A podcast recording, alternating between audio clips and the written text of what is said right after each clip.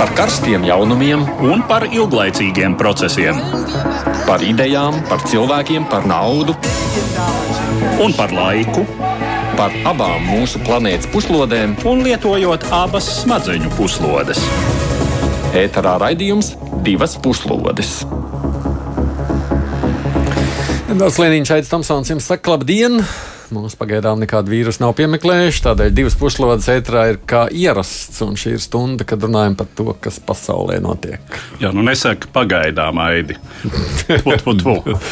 nu, viss ir labi. Jā, bet vīrus ir aizņēmis politiķu prātus visur Eiropā. Tiek slēgtas robežas, atcelti masu pasākumi, nenotiek komandējumi, taču grūtākais šķiet vēl ir tikai priekšā. Kā Eiropa grasās kopā pārvarēt negaidītos izaicinājumus, kādi radušies koronavīrusa dēļ? Šodien aprit deviņi gadi šajā mirklī, nu ne mirklī, bet vispār šajā laikā, kopš sākās pilsoņu karš Sīrijā, kas ir cirts ļoti liels brūcis un atstājis ietekmi nu, īpaši Eiropā ar bēgļu plūsmu. Pēdējā laikā arī izšķirošu lomu cenšas spēlēt Turcija, kuras politika raisa ļoti pretrunīgu reakciju. Par to, kāda ir tā pašreizējā situācija, mēs runāsim uzreiz arī raidījuma sākumā. Un vēl viens temats, kuru arī nevaram ignorēt, mūsu kaimiņu valstī Krievijā.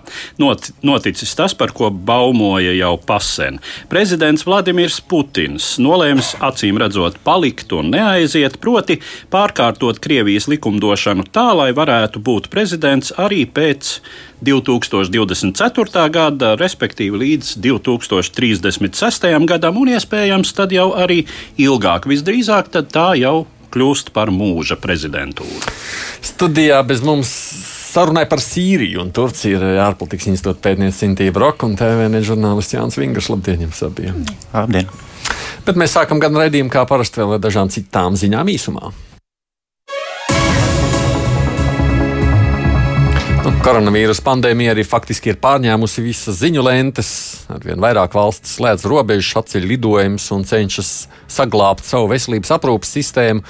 Nu, aina ir tik raiba, cik raiba ir pati vīrusu izplatība. Katra valsts līdz šim ir centusies rīkoties pēc saviem ieskatiem. Paralēli veselības profilaks pasākumiem galvasāpes raisa ekonomiskā perspektīva. Virkni valsts strauji samazina procentu likmes, cenšoties noturēt ekonomisko aktivitāti. Savukārt uzņēmēji lūdz arī cita veida atbalstu, atzīstot, ka daudziem varētu neizdoties pārvarēt sarežģītos izaicinājumus. Akciju tirgi turpina kritumu, sasniedzot jaunus antirekordus.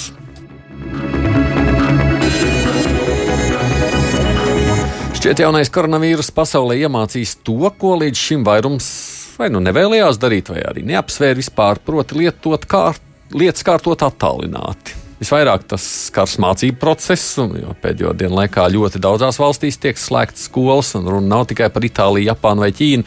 Skolas slēdz pat tādas valsts kā Ukraina, Moldova. Protams, atceltie komandējumi arī nav nekāds jaunums. Arvien vairāk iestādes atklājuši, ka visu var kārtot caur internetu. Nemaz nevajag tāpēc tērēt naudu avio biļetēm, viesnīcām un komandējumu izmaksām. Toties, kā viss ilgtermiņā ietekmēs avio biznesu, viesnīcu jomu, to vēl grūti apjaust. Nekārtībās, kas izcēlušās Itālijas cietumos saistībā ar koronavīrus epidēmiju noteikto ierobežojumu dēļ, tur trīs dienu laikā dzīvību zaudējuši 11 cilvēki. Tā paziņojusi Tieslietu ministrija. Ieslodzītie miruši no medikamentu pārdozēšanas pēc ielaušanās cietuma medikamentu noliktavās. Tiesa apstiprinājumu no neatkarīgiem avotiem tam nav bijis iespējams iegūt. Pavisam sacelšanās notikusi 23 cietumos. Modēnas cietumā ieslodzītie par ķīlniekiem arī bija sagrābuši četrus apsargus un veselības aprūpas nozares amatpersonas. 22 ieslodzītie no cietuma Fodžijā izbēga, un viņus notvert neizdevās. Itālijas ieslodzīto ombuds Mauro Delma pauda viedokli, ka nekārtības izraisīs apstākļus, ka cietumi esot pārpildīti, un ieslodzītājiem arī esot bažas par Covid-19 straujo izplatību. Šajās satraucošajās ziņās neapšaubām ir iepriecinošais gaismas stars Dienvidkorejā un Ķīnā, kurās sākotnēji situācija bija visdramatiskākā, situācija uzlabojas. Un īpaši to var redzēt Ķīnā, kur ielās atgriežas dzīvība, pilsētās jau atkal redzami auto sastrēgumi. Ķīnas Nacionālā veselības komisija šodien paziņoja, ka jaunā koronavīrusa epidēmijas augstākais punkts valstī ir pāriets un jaunu inficēšanās gadījumu skaits turpina samazināties. Pēdējās dienas laikā valstī reģistrēta vien 15 jaunu inficēšanās gadījumu un 11 nāves gadījumu. Tas ir mazākais skaits kopš Ķīna pirms septiņām nedēļām vispār sāk katru dienu informēt par statistikas cipariem. Dienvidkorejā pēdējās dienas laikā saslimuši 114 cilvēku un 6 miruši. Arī tur jauno infekcijas gadījumu skaits ir mazākais pēdējo divu nedēļu laikā. Nu, un vēl kāda ziņa ne par vīrusu. ASV turpinās priekšvēlēšanas, un šajā otrdienā tās notiks sešos štatos. Četros no tiem vinnējis Joe Bidenis, vienā Ziemeļdakotā Bernijs Sanders. Lai gan viņam cerības uz prezidenta kandidātu nomināciju sarūk, viņš pagaidām vēl negrasās padoties, sakot, ka turpinās cīņu par Demokrātu partijas Baltānam nomināciju. Donalds Trumps ir jāsakauj. Es darīšu visu, kas ir manos spēkos, lai panāktu, ka tas notiek. Tā preses konferencē Vermontā sacīja Sanders. Viņš uzskata, ka Baidena komanda var pazaudēt jauno vēlētāju balsis, jo tieši jaunieši lielākoties atbalsta Sanders. Tomēr vairums demokrātu šobrīd ir nosvērušies Baidena pusē. Jāpiebilst, no rīta vēl nebija zināma vēlēšana rezultāti Vašingtonas štatā. Bet nu, pievēršamies tagad sākumā minētiem tematiem, un vispirms Sīrijai un arī Turcijai. Šonadēļ paiet deviņi gadi kopš Sīrijas pilsoņu kara sākuma, kuru iezīmēja sacelšanās pret Bašara al-Asada režīmu Damaskā un Alepo 2011. gada 15. martā. Karš, kurš jau visai drīz kļuva par nežēlīgu visu cīņu pret visiem, padarīja par bēgļiem vairāk nekā 12 miljonus sīriešu. Apmēram pusi valsts iedzīvotāju, no kuriem vairāk nekā 5 miljoni pametuši valsti. Asada režīmam, kuru šai karā atbalsta Krievija un Irāna, izdevies noturēties un pēdējos pāris gados atgūt kontroli lielā daļā valsts teritorijas. Viens no pēdējiem opozīcijas bastioniem ir Idlibas province valsts ziemeļa rietumos, kur patvērumu gūši arī vairāki miljoni bēgļu no citām valsts daļām. Šeit situācija sāsinājās pagājušā gada nogalē, kad Asada valdības spēku uzsāka ofensīvu nolūkā atgūt arī šo valsts daļu. Kara darbībā dzīvību zaudēja arī vairāki desmiti turku karavīru, kas izraisīja tūlītēju Turcijas armijas pretriecienu Kara darbība draudēja ar tiešu militāru konfrontāciju starp Turciju un Asada režīmu galveno sabiedroto Krieviju, taču galu galā pirms nedēļas Maskavā prezidentu Putinu un Erdoganu sarunās tika panākta vienošanās par pamieru Idlibā, kas visumā tikusi ievērota. Vēl viens šī sāsinājuma rezultāts bija apmēram miljona bēgļu došanās no Idlibas uz Turcijas robežu, un jau dažas stundas pēc turku karavīru bojājas Sīrijā prezidents Erdogans īstenoja savus jau pasen paustos draudus un atvēra valsts rietumu rietumu robežas bēgļiem, kuri no Turcijas vēlētos nonākt Eiropas Savienībā. Pēc šī paziņojuma vairāki desmit tūkstoši bēgļu devās uz Turcijas un Grieķijas robežu, kur Grieķijas policija un robeža apsardzības spēki viņus sagaidīja ar asaru gāzi. Grieķu krasta apsardze centās kavēt bēgļu mēģinājumus laivās sasniegt Grieķijas salas Egejas jūrā. Līdz ar to Turcija pārtraukusi pildīt 2016. gada vienošanos ar Eiropas Savienību, saskaņā ar kuru Turcija pārtrauks bēgļu kustību uz Eiropu apmaiņā pret 6 miljardus lielu finansiālo palīdzību, kā arī pretim nākšanu sarunās par vīzu režīmu atvieglošanu un muitas savienības noslēgšanu. Kā norādījis prezidents Erdogans, Brisele nesot pildījusi savu vienošanās daļu, tā skaitā nav saņemta visa apsolītā atbalsta summa. Pirmdien Turcijas prezidents apmeklēja Briseli, kur tikās gan ar NATO ģenerālsekretāru Jensu Stoltenbergu, gan ar Eiropas komisijas prezidentu Urzulu Fonderleinu un Eiropadomas prezidentu Žanu Mišelu. Abas puses raksturoja tikšanos kā konstruktīvu, taču pagaidām netiek nekas minēts par konkrētiem atjaunotas vienošanās aspektiem. Atgādījums šeit kopā ar mums arī Sintīva Rokņāns Vingrs, 9 gadi. Karš. Ir kādas cerības to vispār traukt, Sintīva? Nu, tas, par ko tagad runā, kad e, šajā karā, jau, jau par ko runāja arī vairākus gadus atpakaļ, ka šajā karā uzvarētāju nevar būt. Un arī šajā situācijā šobrīd, laikam, Turcija ļoti labi saprot, ka viņi nav spējīgi cīnīties bez NATO atbalsta. Ar Krievijas un Asad spēkiem, un Asad spēki saprot to pašu, ka bez Krievijas atbalsta viņi nav spējīgi cīnīties. Bet, diemžēl, neviena puse vēl nav nonākusi tajā punktā, kad uh, viņi atzītu, kad, uh, kad šajā karā uzvarēt viņi, šajā situācijā uzvarēt viņi nav spējīgi. Tad ir jānonāk līdz punktam, kurā tu saproti, ka tur nekas nenotiks. Uh, nu, tā varētu teikt, bet nu, jāpaturprātā, ka katrai pusē jau ir savas intereses. Un jau Turcijai, protams, šie bēgļi šobrīd ir ļoti labs instruments, kā manipulēt ar Eiropas Savienību par savām interesēm. Un uh, Krievijai, protams, šajā situācijā ir savas intereses. Un, un šis, šis, šī nav situācija, šis nav karš, kur mēs varam runāt par morāli, bet uh, tīri un vienīgi par valstu interesēm. Jā,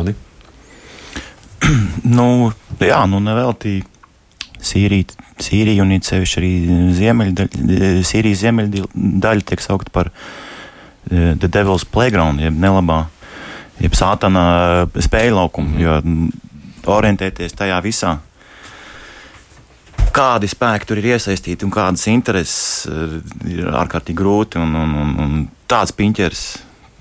Tā kā, jā.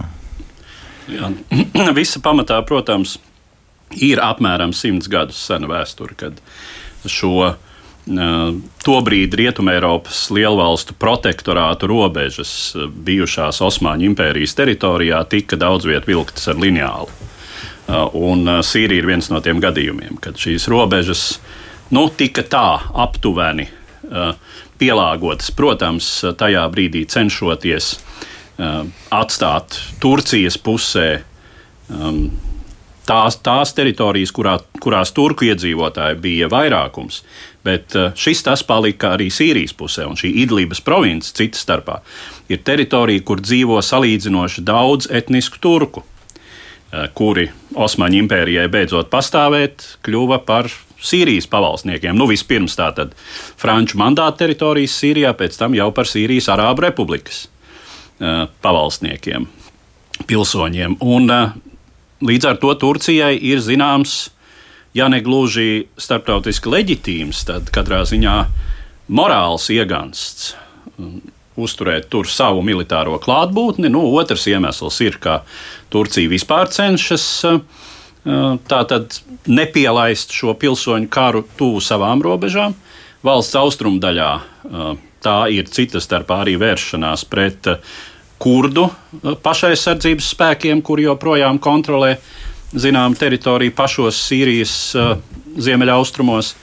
Uh, un šeit tā, tas ir atbalsts dažādām militārām grupām. Uh, īpaši neskatoties uz to, kādas ir šo grupu ideoloģiskās noslēdzes, tur ir arī citas starpā diezgan daudz islāma tādu radikālu grupējumu, kurus Turcija atbalsta. Tā skaitā militāri, tā skaitā tur ir Turcijas armijas spēki. Nu, no, no tīri starptautisko tiesību viedokļa var teikt, ka nu, Turcijas eh, armijas atrašanās svešas valsts teritorijā nav, nav īsti legāla. Uh, apvienoto nāciju mandāta Turcijai nav uh, uzturēt tur savus militāros spēkus. No otras puses, kā jau teicu, Turcijai ir zināmi argumenti, kāpēc tas tā ir. Nu, un, un cita starpā, protams, arī, kā jau tas ir minēts, šī teritorija, kuru Turcija un ar Turcijas palīdzību tur esošie uh, opozicionārie grupējumi uh, patur savā kontrolē, ir kļuvusi par tādu salīdzinoši stabilas, līdz šim bija tāda salīdzinoši stabila teritorija, kurā varēja uzturēties bēgļi no citām Sīrijas daļām. Un uh, tagad šai oāzei esot apdraudētai, notiek bēgļu plūsma, pie kam Turcija nav, cik es saprotu, atvērusi savu robežu šai jaunajai bēgļu grupai, kas ir apmēram miljons, un šie nabaga cilvēki visu vecumu, dzimumu šobrīd uzturas kaut kur Turcijas robežas stūmā. Um, jo nu, tās vietas, kur viņi līdz tam ir dzīvojuši, ir, ir sagrautas, sagrauta infrastruktūra, um, nav normāls pārtiks piegādes, medikamentu un tā tālāk, bet tā visa jau īsti nav arī uh, tur, kur viņi ir šobrīd. Un, nu, un savukārt Turcija jā, ir, ir spērusi šo soli. No vienas puses tā ir uh, nepārprotama manipulācija, uh, un uh, šajā dancī pa trim, kurā teiksim, visa šī konflikta ietvaros uzdejo Erdogans, Putins un Eiropas Savienība Nu, Putinam, respektīvi Erdoganam, sanāk ne, nebūt nedaudz sliktāk kā Putinam šobrīd. Kā jūs raksturot Jānu, to situāciju, kāda ir šobrīd Sīrijā? Uh, uh, jā, nu, es tur pabiju pagājušā gada beigās. ne tik ilgi, kā es tur gribēju. No, kā es gribēju, tas nokļūšana tur bija diezgan sarežģīta. Es pabiju tur tikai trīs dienas. Kaut kādu ieskatu no tā visa es dabūju. Vairāk laiks pavadīju blakus Irākā, Irākas ziemeļos, Irākas Kurdistānā. Un, uh, par bēgļiem runājot, bēgļi, es domāju, dodas ne tikai virzienā ar cerību iekļūt Turcijā, bet e, patiesībā viņi bēg arī prom no Turcijas robežas, e, vairāk uz dienvidiem, kurdu kontrolētajās, kontrolētajās teritorijās. Un, Nu, dēļ turku ienākšanas? Dēļ, dēļ, burtiski dēļ turku ienākšanas, dēļ veiktām laupīšanām, nogalināšanām un vispārējām. Milzi, milzīgos apjāmos, ap, ap, apmēros cilvēki bēg arī prom no turienes. Uh, Es, es domāju, ka viņi vienkārši iesprostot, kā, kā iesprostot dzīvnieki krātiņā, kas bēg uz visām pusēm, vienkārši mēģinot atrast kaut kādu tuvāku, nu, drošāku vietu. Jā, jo, jo jāsaprot, ka viss šis um, etniskais, uh, reliģiskais raibums tur uh, rada milzums iespēju uh, jebkuram kādā brīdī nonākt nepareizajā teritorijā, uh, kur kontrolē spēki, kuru acīs tu esi būtībā ienaidnieks ar savu eksistences faktu. Ja? Nu, tas, ir, tas ir kaut kā līdzīgi, kā teiksim, mm, ja mēs atceramies atkal simts gadus senu vēsturi, Krievijas pilsoņu karā latviešus principā gūstā neņēma. Ja, jo, teiksim, Baltie krievu spēki uzskatīja jebkuru latvieti par latviešu sarkano strēlnieku un tā tad nošaujam uz vietas. Šādas situācijas tur ir iespējamas ļoti bieži. Nu, un runājot teiksim, par šo Kurdistānas daļu, par ko kolēģis nu pat izteicās, tad uh, Kur, kurdiem ar turkiem ir konflikts jau desmit gadiem ilgi ar Turcijas valsti, kurdu patstāvības centienu dēļ. Līdz ar to jebkuram kurdam um, nonākšana teritorijā, kuru kontrolē Turcijas karaspēks, un nelēma jau tā, ka ne tikai Turcijas karaspēks, bet visur tur līdzās turku karaspēkam, regulārajām vienībām ir arī kaut kādas šīs turku sabiedroto m, dažādu grupējumu vienības. Un, jā. Eh, nu jā, un eh, es domāju, ka viens no turku, eh, turku mērķiem ir arī mm, kaut kādā veidā sagraut to kurdu pašnoteikšanos.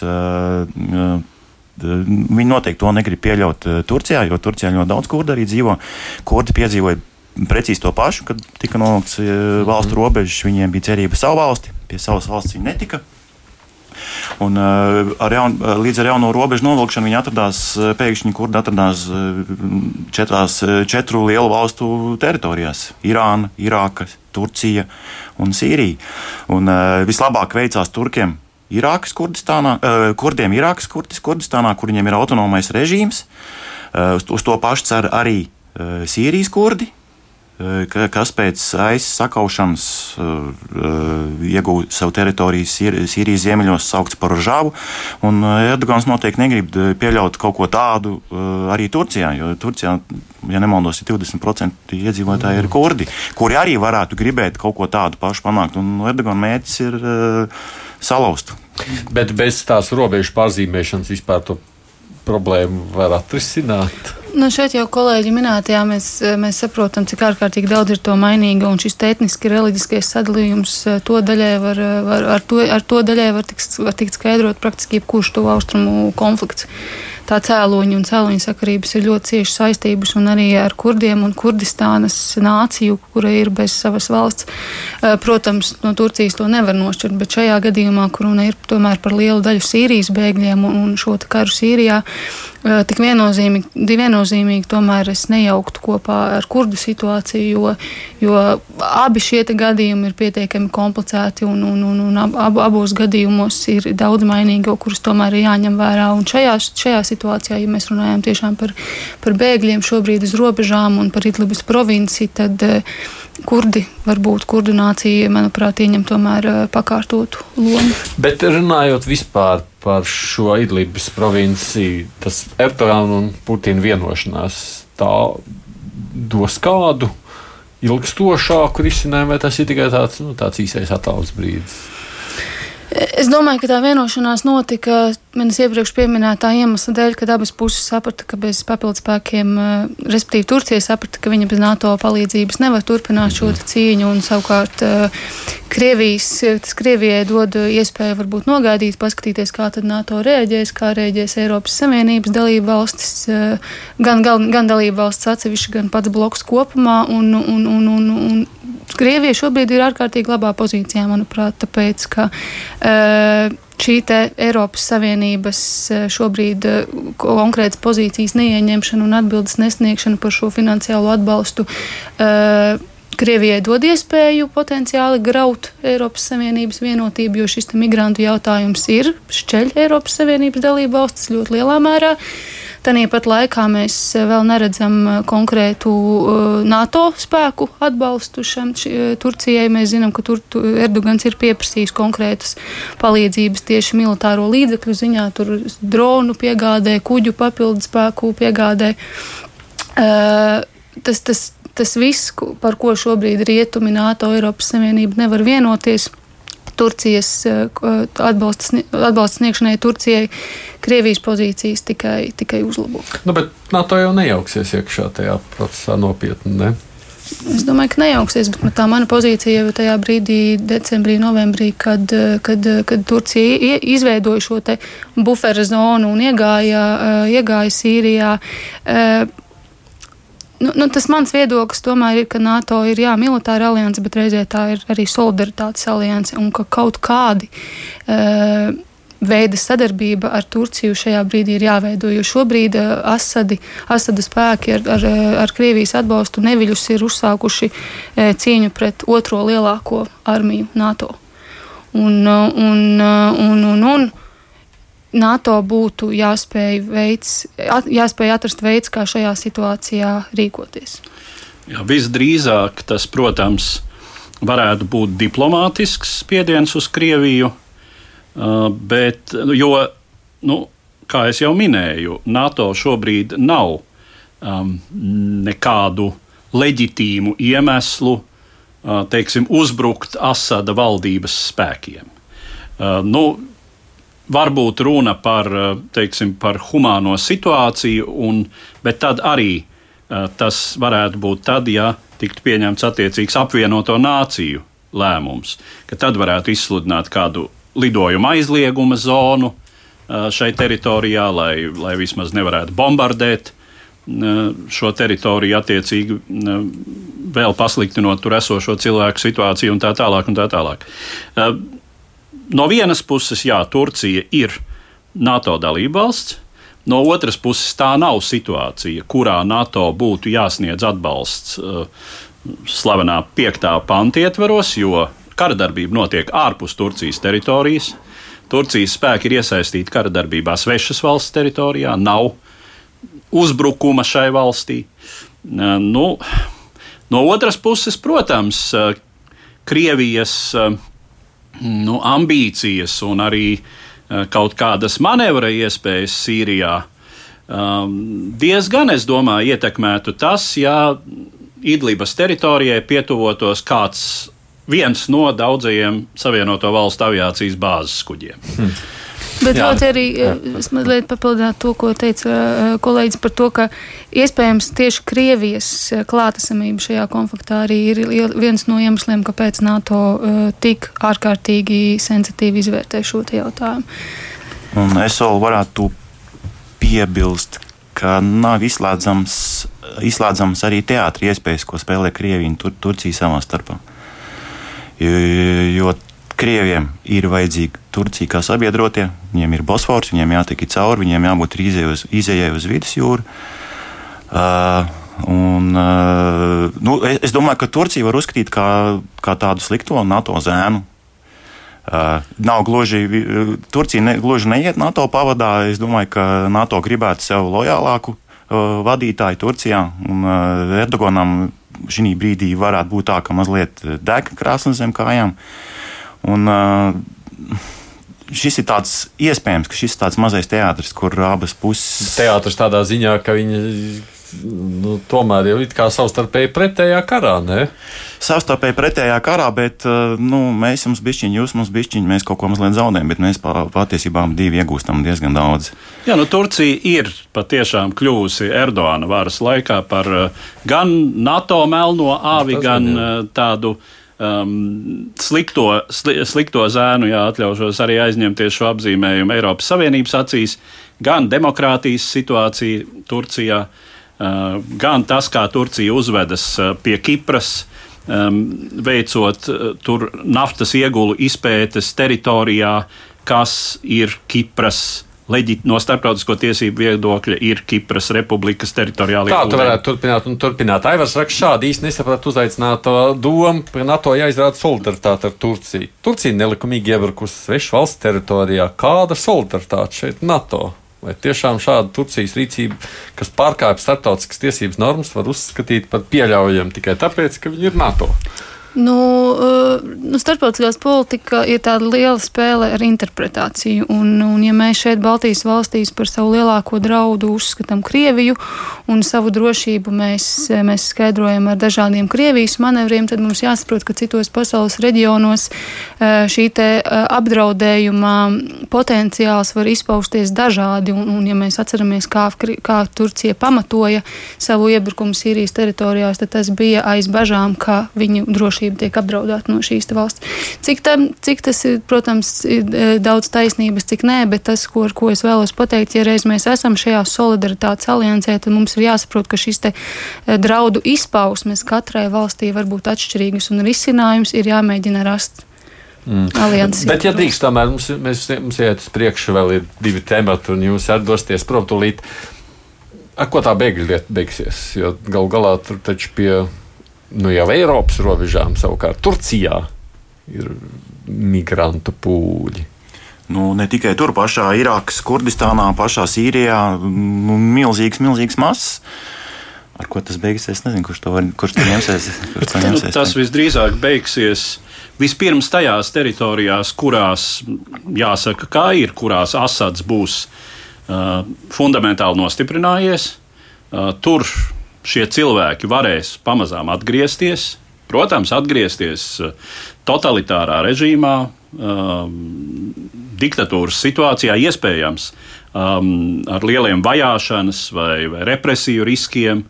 Um, bet, nu, teiksim, daļa, daļa acīm redzot, atgriezīsies tur, kur, kur vara ir stabili Asad režīma rokās, uh, kur tam vairs nav pretinieku. Uh, Um, jā, par Kurdistānu tur, tur mēs Nē. droši vien varētu ilgi improvizēt, kā tas viss beigsies Kurdistānā. Pie Grieķijas robežas. Nu, pie Grieķijas robežas tas ir jau cits jautājums un, un cita tēma, par ko mēs arī varētu ilgi runāt. Uh, tas ir tas, kas mūsējos tā kā visdrīzāk, visdrīzāk ka šobrīd, nu, teiksim, tie, tie primārie signāli pēc pirmdienas tikšanās Briselē ir tādi, ka nu, pirmkārt, Erdogan, Erdogans dabūs eh, vairāk naudas no Eiropas visdrīzāk.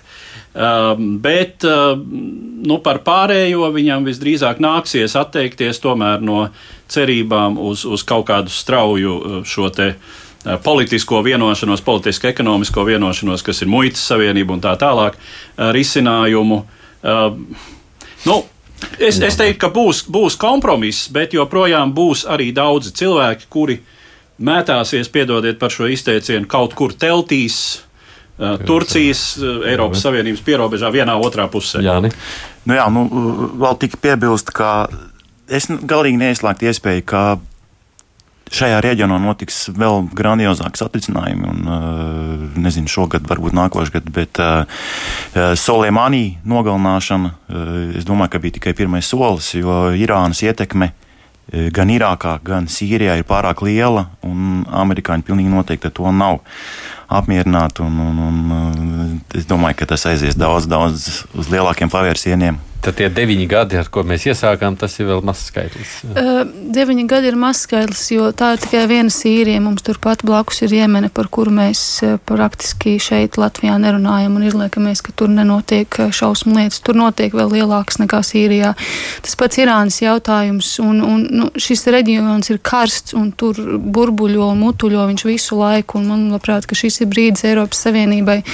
Uh, Es saprotu, ka mums ir arī savas intereses šo cilvēku tādai pār, nu, ielaišanai vai neielaišanai mūsu valstī, bet mums ir jāizveido stratēģija šiem reģionam kopumā. Uh, jo šobrīd viņas nav, un mēs vienkārši not, ir situācija, notiek uh, bēgļu plūsma, un mēs domājam, kā šo situāciju risināt. Mēs atpērkamies uh, savā ziņā, bet tas nav tikai par Sīriju. Tur nemieri notiek visu laiku, un cilvēku skaits ir ārkārtīgi liels, un kaut kur viņiem uz šīs planētas ir jāpaliek. Ārpolitikas institūta pētniece Sintīva Rakjāns Vingras no TVN. Paldies, ka bijāt! Šeit mēs turpinām raidījumu, citu nākamo tematu, jo pasaules uzmanību ir pārņēmis koronavīruss, kāda ir tā situācija Eiropā. Par to tad arī tālāk.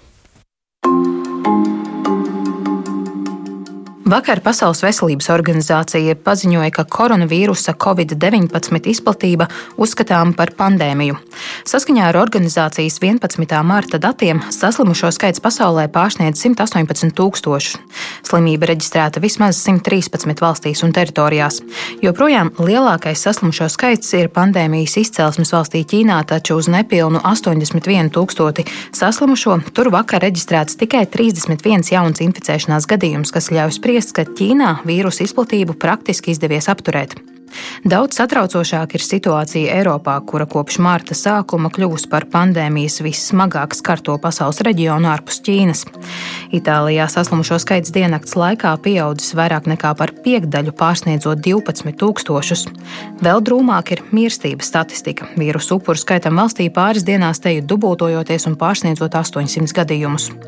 Saslimušo kopskaits pārējās Eiropas valstīs šobrīd tuvojas 8000. Slimībai pēdējās dienās visstraujāk straujāk izplatoties Spānijā, Francijā, Vācijā, Šveicē un Skandināvijas valstīs. Itālija reaģējusi uz infekcijas izplatību, 9. martā ieviešot visā valstī stingru karantīnu, slēdzot mācību iestādes, aizliedzot visus publiskos pasākumus un pavēlot pārtraukt daudzu veikalu un pakalpojumu uzņēmumu darbu.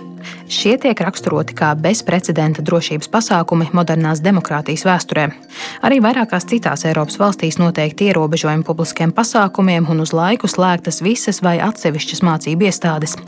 Konkrētie lēmumi, reaģējot uz pandēmiju, paliek nacionālo valdību ziņā, Eiropas Savienības institūcijām uzņemoties informācijas aprites un koordinēšanas funkcijas.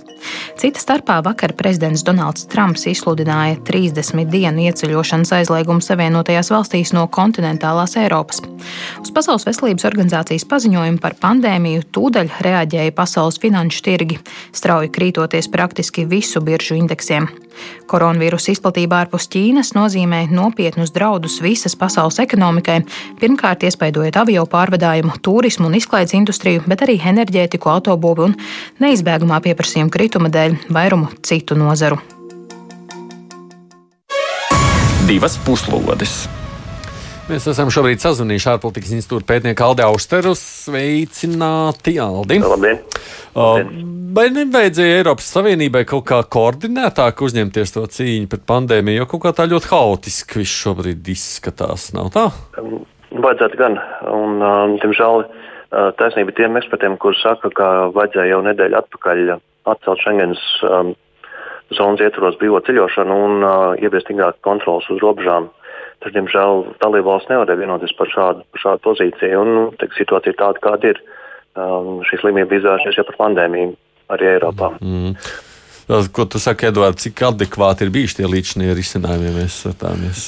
Nu, man ir grūti spriest, uh, jo neesmu nekādā ziņā eksperts. Nu jā, ne, bet, nu, ne infekcijas, ne, ne arī īpaši uh, teiksim, administratīvo Eiropas Savienības ietvaros. Bet sekas mēs redzam, vai ne? Nu, sekas, nu, faktiski jau sekas mēs redzēsim uh, pēc zinām laika, un ar laika distanci varbūt tad arī. Uh, Es un citi uh, politikas vērotāji varētu par to spriest. Nu, tas, ko es varu teikt, ka, manuprāt, acīm redzot, Eiropas Savienības valstīm un arī jo sevišķi centrālajām Eiropas Savienības institūcijām šķiet ļoti riskanti ieviest robežu kontroli, atcelt uh, Schengenas uh, bezvīzu zonas darbību kaut, kaut uz, uz kādu laiku, lai gan tādi precedenti ir bijuši, bet nu, tas, vienmēr, tas vienmēr saistās ar izjūtu, ka mēs speram lielu soli atpakaļ no kaut kā, kas, kas piedar pie Eiropas Savienības būtības, pie tās rakstura. Tātad šī pārvietošanās brīvība visā, visā šajā teritorijā. Uh, nu, tas, es domāju, ir galvenais iemesls, kāpēc uh, Uh, kāpēc tāda neizlēmība? Mm. Bet, ja runājam par tām slēgtajām robežām, Aldi, ir jau tā, ka šobrīd uh, nu, daļas valsts pie, grib, grib un to dara, bet daļa jau joprojām ir skeptiska. Tāpat Vācija, kur ir pietiekoši daudz saslimuši. Nu, jā, es domāju, ka Vācija patiesībā šobrīd ir problēmas centrā, jo Vācija ir lielākā Eiropas Savienības dalībvalsts. Un Vācijā ir visgrūtāk arī īstenot tādus um, karantīnas pasākumus, kādi, piemēram, bija Ķīnā vai pat Itālijā. Tas dēļ vēsturiskā mantojuma. Līdz ar to nu, Vācija šobrīd ir tiešām kļuvusi par uh, problemātisku valstu un eksperti arī saka vērtējumu, ka, nu, diemžēl, jāreikinās, ka aptuveni 67% Vācijas uh, iedzīvotāji varētu ir pārslimot. Nu, to pat Merkele arī beigās tā ir atzinusi, bet Vācija tiktu galā ar šo situāciju, jo Latvija jau tieši no tā visvairāk baidās, sakot, ka mūsu veselības sistēma to nevarētu izdarīt. Ja nevarētu pacelt. Nu, jāsaka, Vācijas veselības sistēma ir viena no viskvalitīvākajām pasaulē. Un, uh, nu, šobrīd arī to miršo skaits no šīs slimības ir salīdzinoši mazs Vācijā. Taču jautājums, nu, cik ilgi arī šī Vācijas sistēma spēs um, nu, nodrošināt šo kvalitīvu aprūpi. Um, nu, ja ir viena situācija, kad ir saslimuši tikai tūkstoši iedzīvotāji, bet cita situācija būtu tā, ka būs simt tūkstoši saslimuši. Šitam nevajadzētu kļūt par tādu stimulu. Nu, jautājums jums abiem, nu, varbūt paskatīties, vai vispār veselības sistēma Eiropā nav jāpadara nu, kaut kas koordinētāk. Nu, nu, jāfeder, jāfederalizē. Jā. jāizņem no nacionālo valstu kompetences. Nē, nu, tas, protams, nav iespējams. Tas, es domāju, vēl ilgi, cik tā, tā ir sociālās sistēmas daļa un uh, sociālo sistēmu Eiropas Savienības dalību valstis ļoti negribīgi uh, nodod no savas uh, pārziņas tātad, uh, Briseles kompetencē. Um, visdrīzāk, ka nē, uh, bet. Uh, nu, Šis ir faktiski laikam, tāds pirmais gadījums, es domāju, ka Aldis man piekritīs, kad eh, šāda nu, tieši tāda, tāda infekcija eh, tādā veidā pārbauda Eiropas valstu spēju rīkoties koordinēti eh, un, un arī izrādīt zinām solidaritāti. Nu, te ir piemēram tas stāsts par Itālijas lūgumiem pēc attiecīgā aprīkojuma. Um, aizsargu tērpiem, tām pašām maskām un tā tālāk. Uh, uz kuru uh, ir reaģējusi, kā es vakar lasīju, viena Eiropas Savienības valsts. Un šķiet, ka vislaba, vislielākā palīdzība varētu pienākt no Ķīnas, kur uh, viss tas ir saražots pietiekamā skaitā. Un tagad, kad Ķīnā situācija jau sāk uzlaboties, Ķīna ir gatava sniegt Itālijai attiecīgo skaitu miljonu uh, mm -hmm. masku, aizsargu tērpu un tā tālāk. Bet nu, sanāk, ka mēs esam tādi, Aldi, vai ne tādi tā kā egoistiskāki tādās situācijās? Uh, nu, protams, jā, un te, te ir jāsaka, ka no Eiropas Savienībā, piemēram, ir izveidota efektīva sistēma pārtikas drošības jomā, kur diezgan ātri var atrast, uh, kur ir tiek ražots kāds skaitīgs produkts, kā to liecināja uh, pirms pāris mēnešiem situācija ar, ar, ar to pol, kaut ko polijā. Taču, ja ir runa par uh, cilvēku veselību, jā, tad šī, kā jau pareizi atzīmēja uh, kolēģis, ir nacionāla kompetence. Un te ļoti nozīmīgi ir koordinācija, bet uh, lēmumus var pieņemt tikai tad, ja visas dalībvalstis ir vienprātīgas. Un te arī tā vājā vieta. Ja nav vienprātības, ja kāda valsts jūtas mazāk apdraudēta kā citas, tad viņi nerīkojas, kā piemēram šobrīd Vācija. Un sākas ir tādas, kādas tās ir. Un, un te patiesi ir jānāk, ka nu, jā, šī, šī ir pirmā tāda situācija, kad Eiropa saskars ar tādu pandēmiju. Un, uh, cerams, ka tas būs iemesls, lai nākotnē meklēt jaunas risinājumus un arī, acīm redzot, uh, visticamāk, dot lielākas pilnvaras tieši Briseles institūcijām rīkoties šādās situācijās. Mm. Bet, ja skatāmies savukārt par ekonomiskajām sekām, tur tā pieeja varētu būt koordinētāka. Jā, nu tas, protams, otrs aspekts. Pirmais aspekts tātad ir, kā ierobežot pandēmijas izplatību Eiropā, un otrs aspekts, kā tikt, uh, cīnīties ar ekonomiskām sekām. Un šīs sekas var būt diezgan uh, nepatīkamas, īpaši tāpēc, ka pandēmija ir skārusi Itāliju, kur jau līdz šim bijusi ir valsts, kur atrodas principā uz bezdibeņa klīnas malas pirms bezdibeņa, jo milzīgais valsts parāds un lēna ekonomiska izaugsme šajā valstī jau ilgstoši ir, ir bijusi problemātiska. Un, ja Itālija šobrīd ir spiesta investēt vairāk gan veselības aprūpē, gan arī cieši no ekonomiskās izaugsmes um, strauji samazinājumi dēļ karantīnas, tad, protams, tas atsauksies arī šīs valsts finansiālo sistēmu. Un, ja Itālijas sistēma sabrūk, tad tā ir milzīga problēma visai Eirozonai, tā skaitā arī pašai Vācijai. Tā kā, nu, šeit jautājumi ir ļoti nopietni un uh, koordinēta atbilde ir ārkārtīgi nepieciešama. Un, ja skatāmies uz uh, to pašu Lielbritāniju, tad tur jau vakar gan valsts kase, gan, gan uh, Anglijas centrālā banka ir vienojušās par koordinētu rīcību, kā palīdzēt ekonomikai pārdzīvot šo krīzi. No Eiropā tas vēl nav noticis. Ir ziņas, ka kaut kas būs šodien vai rīt, Bet kā tie lēmumi būs, nu, mums jāskatās. Bet tā pagātnes pieredze liecina, ka Eiropā šādiem lēmumiem ir ļoti grūti un smagi. Jā, no nu, te Brexits tagad varētu pēkšņi izrādīties kā vieglāks risinājums šādās grūtās. Jā, nu, nacionālajām bankām, protams, ir iespēja rīkoties arī neatkarīgi no Eiropas. Tā kā nav tā, ka Brexits būtu izglābis, Angļus. Izglābis Angļus, Britus šajā gadījumā no Eiropas, no Briseles um, bremzējošajām skavām. Nu, e, Eiropai, e, protams, šajā ziņā ir um, instrumenti, kas ir Eiropas centrālās bankas rīcībā. Un visdrīzāk tie arī tiks izmantoti.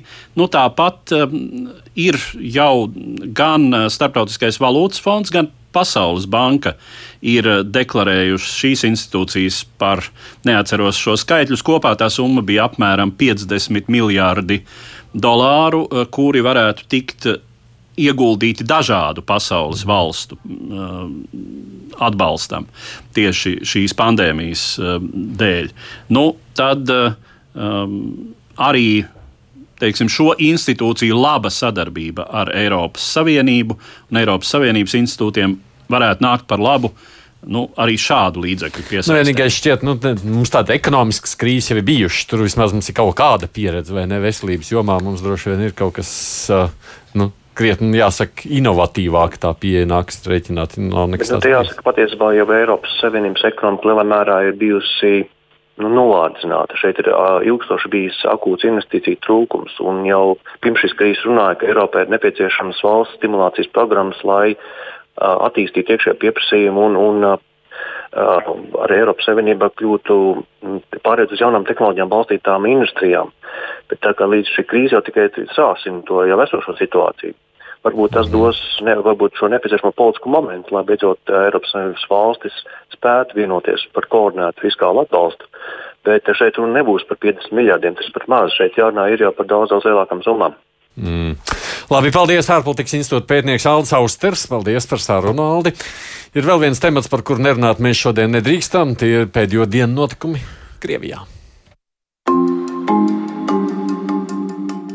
Krievijas prezidenta Vladimira Putina centieni palikt varas virsotnē arī pēc 2024. gada, kad saskaņā ar pašreiz spēkā esošo konstitucionālo kārtību noslēdzas viņam atvēlētais prezidentūras termiņš, ir aktuāla tēma jau labu laiku, bet jo sevišķi kopš 15. janvāra, kad viņš nāca klajā ar ierosinājumiem mainīt Krievijas federācijas konstitūciju.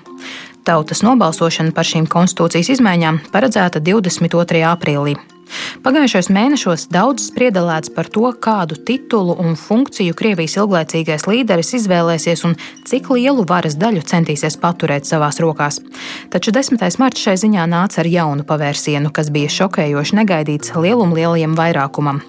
Viss sākās ar padomju kosmosa veterānis, tagad Krievijas valsts domas deputātes Valentīnas Tereškovas ierosinājumu papildināt konstitūcijas labojumus tādējādi, ka līdzinējie Putina prezidentūras termiņi netiktu ņemti vērā, nosakot ierobežojumu viņa kandidēšanai 2024. gada prezidenta vēlēšanās.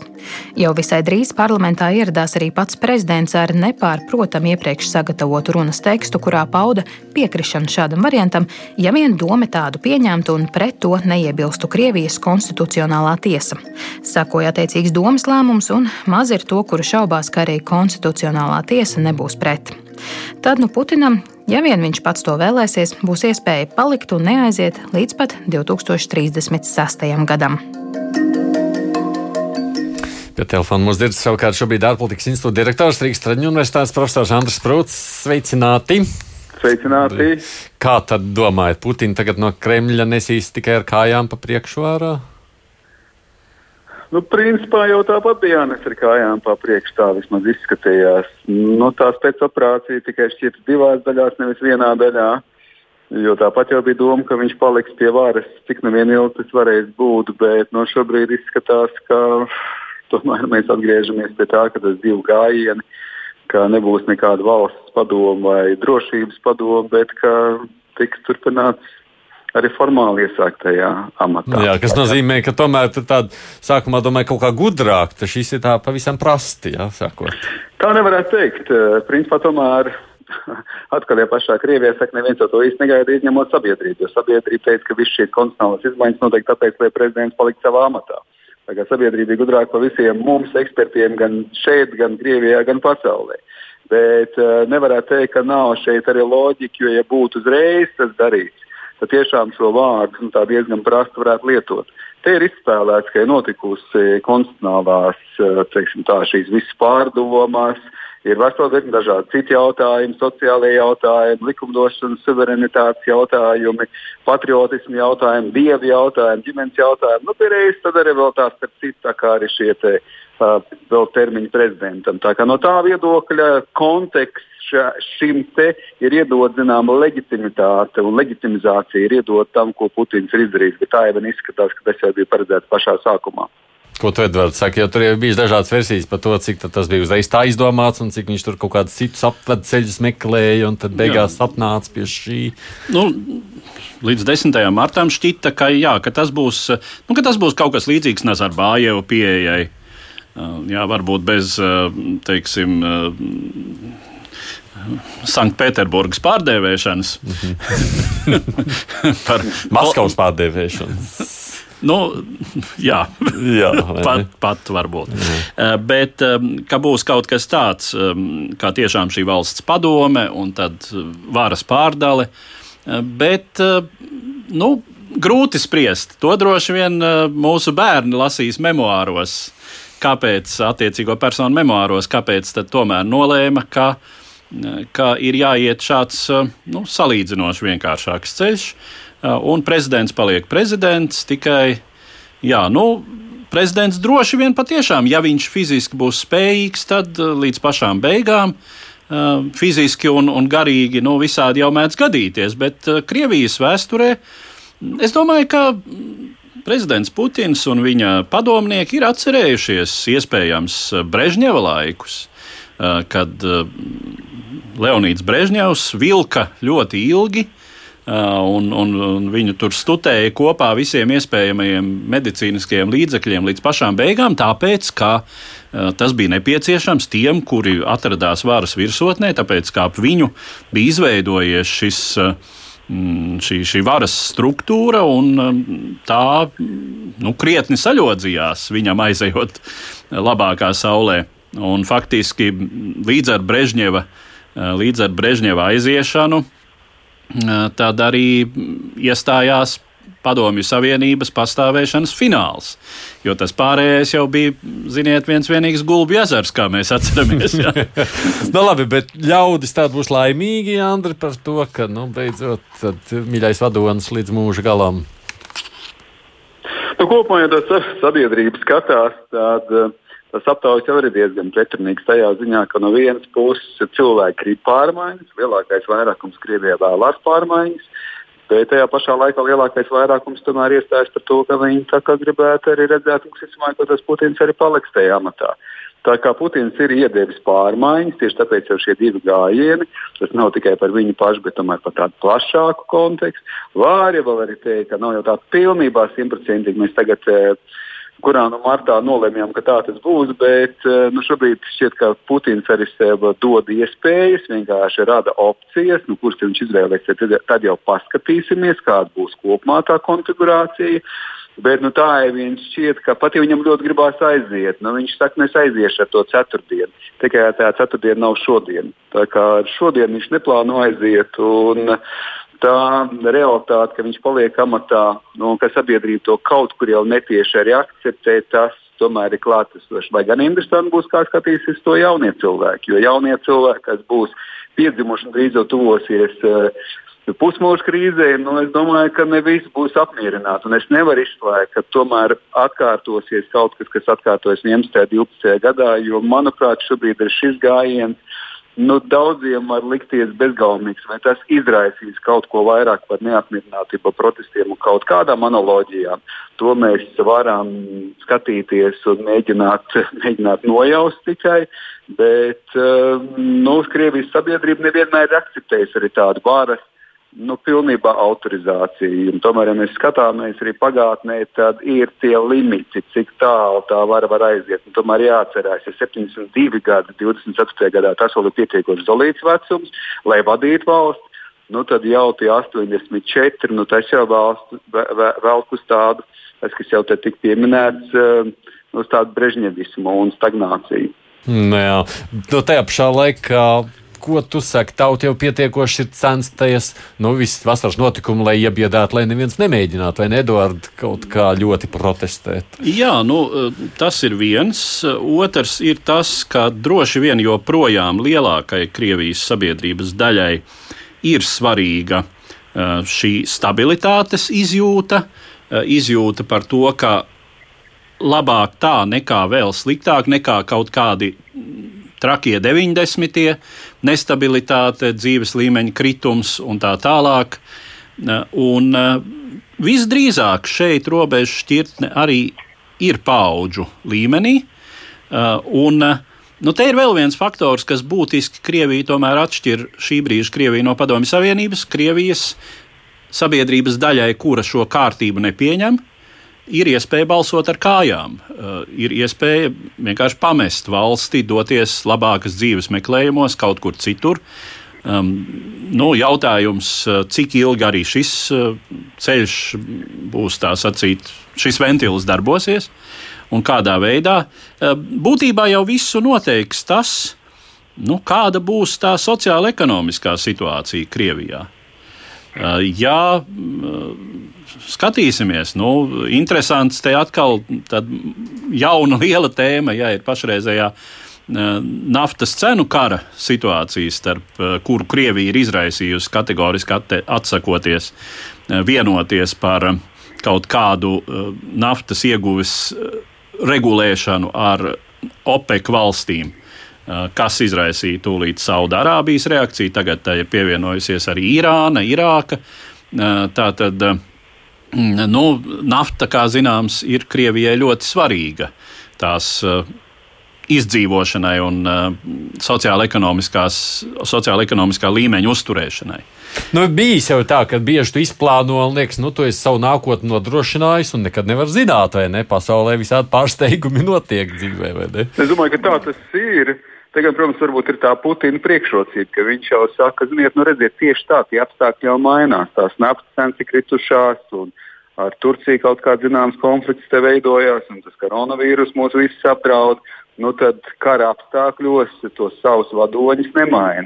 Bet tur es piekritīšu ar Edvardam par to, ka nu, tie sociāli-ekonomiskie apstākļi būs diezgan svarīgi. Jo kamēr autoritārisms nodrošina labklājību, tikmēr tas ir labs autoritārisms. Tad, kad tā labklājība un tā patriotisma deva, protams, ko vienmēr var mēģināt uh, arī, arī piešķirt klāt. Ja tās tomēr ir mazāk, tad arī tā neapmierinātība var būt lielāka. Bet tur atkal var piekrist Anijai, ka līdz šim nu, ir pietiekoši bijis tāds veiksmīgs kokteils instruments gan no vienas puses iebiedēšana, un tagad klasika ir ar šo seķu tīkla uh, jauniešu notiesāšanu par kaut kādām milzīgām sazvērestībām. Un no otras puses ir ventils, nu, ja ziniet, jums neatmierina šī iekārta, tad lūdzu, tomēr robežas ir vaļā, variet doties uz vietu. Nu, paldies, ārpolitikas institūta direktors Rīgas Traģņu universitātes profesors Andris Sprūts. Paldies, Andris, par sarunu. Nu, tā tas ir bijis pietiekoši interesants notikums šajā nedēļā. Radījums mums izskan. Edvards Līniņš ar studijā producēja jau Zeiz, studijā bija Reisaids Tomsons. Lūkosim, kas atkal notiks nākamajā nedēļā. Divas puslodes!